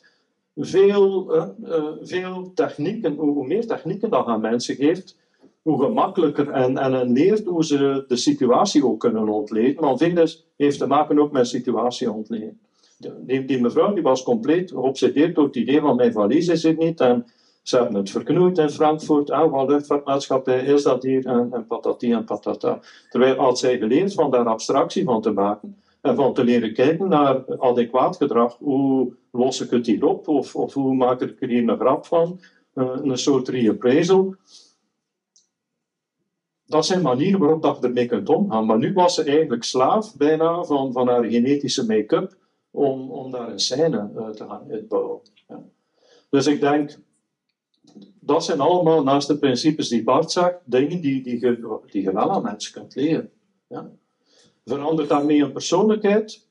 Dan laat ik nog in het maar je verandert in ieder geval, of je vergroot een grip op wat dat er op en kan afkomen, waar een persoonlijkheid kan in meespelen zodanig dat ze meer meester zijn van de situatie. Zo hebben wij allemaal dingen geleerd. Ja. Maar soms komen we ook in situaties, Bart heeft er al naar verwezen, als we moe zijn. Hè. Dat was daar ook het geval, een lange vlucht. Hè. Uh, mensen zijn dan gestresseerd, uh, of denken dat ze niet gecontroleerd of geobserveerd worden. Hè. Alles wat we hier nu vertellen, komt hier op camera. Uh, als je daar niet bewust van bent, dan zie je de kleine kantjes van de mensen heel dikwijls naar boven komen. Boven, voorbij wat ze geleerd hebben. Dat is ons allemaal al overkomen, dat we een keer uitschieten tegen of een keer uitvliegen tegen onze kinderen. Dat, we ons kooktemperatuur bereiken. En iedereen weet van ons dat we niet moeten roepen of ons niet moeten kwaad maken, want het kost je achteraf veel meer tijd om opnieuw de relatie wat uh, te herstellen uh, na een conflict met uw partner. Uh, maar, maar toch gebeurt het. Dus als je mensen leert om eigenlijk met een persoonlijkheid op een wat adequatere manier om te gaan, en beter leert wat de cues zijn in de omgeving die hen in een of andere richting triggeren of prikkelen, daar zit enorm veel winst te halen, denk ik. Eerder dan geobsedeerd te zijn door het idee, we willen mensen hun persoonlijkheid veranderen. Ik zou het anders formuleren. Op een andere manier uw persoonlijkheid gebruiken en hanteren. Ja? Ik denk dat daar veel marge zit. Helder. Misschien nog tijd voor één laatste vraag? Is de persoonlijkheidstest populair vandaag? Waar situeren we ze? Drie antwoorden. Het is heel populair. Het is ook een heel grote business. Maar er is ook grote variabiliteit in kwaliteit van producten die op de markt is. Ja? Dus er wordt ook van alles en nog wat gebruikt die, waar, waarvan wij denken uh, dat gaat eigenlijk in tegen wetenschappelijke bevindingen. Ja? Uh, maar het wordt, uh, het wordt ook terecht gebruikt, hè, om, omdat het persoonlijkheid voorspelt iets en, en biedt u meer zicht op hoe mensen in elkaar zitten. Maar dan moet je natuurlijk degelijke assessments hebben en, en niet afgaan op, op allerlei categoriale benaderingen. We gaan er geen namen op plakken, maar er zijn diverse benaderingen die mensen echt in hokjes delen en, en daar dan allerlei oefeningen rond doen. Ik denk niet dat dat de manier is uh, om, uh, om over persoonlijkheid te spreken en om persoonlijkheid te gaan gebruiken. Dus samengevat, gebruik zeker goed persoonlijkheidsonderzoek en goede persoonlijkheidsinstrumenten. Maar gebruik ze vooral ook op een goede manier. Het is niet alleen het instrument die telt, maar ook wat je ermee doet. Ik zie dan nog altijd veel mensen die goede instrumenten toch op een heel krakkemikkige manier eigenlijk inzetten in een organisatie of gaan gebruiken in een uh, therapeutisch werk of whatever. Ja. En een vraag die dan vaak terugkomt is, ja, maar hoe herkennen wij nu of dat het een goed instrument is of geen goed instrument is? En dat is een heel moeilijk antwoord. Ik, ik begrijp dat, dat voor heel moeilijk, voor heel veel mensen bijna onmogelijk is om nu te zeggen, dit is goed, dit is niet goed, dit is wetenschappelijk, dit is niet wetenschappelijk, want alle persoonlijkheidstests verkopers pretenderen dat het wetenschappelijk is, bij wijze van spreken. Dus ik, ik snap dat die vraag bij heel wat mensen leeft en, en die onzekerheid daar is. En daarom denk ik dat het gewoon heel waardevol is om u te laten begeleiden daarbij. En er zijn nogal wat mensen, ik zeg het, we hebben heel veel studenten psychologie die echt getraind zijn, of zouden moeten zijn op zijn minst. Zouden moeten zijn. Uh, om, om daar wel het, het, bos door de bomen te zien. En om, om, om wel juist advies te geven. En om mensen of organisaties of groepen van mensen daar, daarin uh, te begeleiden. Want, want het is gewoon complex. Ook, en je wordt langs alle kanten verleid. Um, en, en die zaken zien er vaak of worden verkocht al als wetenschappelijk en, en deugdelijk en betrouwbaar en valide. Maar in de praktijk zijn ze het vaak helemaal niet. Dus samengevat, voor een leek om ernaar te kijken, als het te glad is, als er te veel beloofd wordt, ja, uh, hebt gehoord, het is een zeer complex iets. Dus om, om er wat mee te doen, moet je er ook in investeren, qua tijd en, en qua opleiding. Um, maar al, al die, die dingen die je heel veel beloven en, en die denken dat ze die garantie geven, dat ze iemand volledig begrijpen. Ik zeg altijd, we verstaan er 20, 30 procent van en dat is al heel veel. Uh, dus alles wat dat er te gladjes uitziet, too good to be true, moet, eigenlijk een alarmbel bij u laten afgaan. Mensen die, die met te veel overtuiging uh, verkondigen, de, dit koppelen aan dat, en, en zo werkt het niet. Uh, de, de realiteit is gewoon zeer, zeer complex. En, mensen die, die bona, allee, bona fide instrumenten op de markt zetten, die, die gaan die dat ook, uh, die, die gaan dat soort grote claims niet maken. Maar dat is heel dikwijls wat het publiek ook niet wil horen. Het publiek wil altijd de grote oplossingen en, en het gemak en voorverpakte dingen horen en, en spelletjes die men kan spelen. Hè. Dikwijls vraagt men ons ook gewoon van, ja, kon ik er iets over persoonlijkheid vertellen, maar het moet leuk zijn. Het mag niet, uh, niet te veel tabellen, Filip. Maar als ik dat hoor, dan denk ik altijd van. Hopelijk was dat vanavond leuk. We hebben maar één tabel ongeveer getekend op, het, ik ga op deze tafel. Voilà. Goed, dan, eh, dan wil ik jullie allemaal hartelijk bedanken om erbij te zijn, voor jullie aandacht, voor jullie interessante vragen. Dank nogmaals aan Bart en aan Philippe voor deze avond. Jullie kunnen alles herbekijken, herbeluisteren en vergeet zeker het evaluatieformulier niet. Voilà.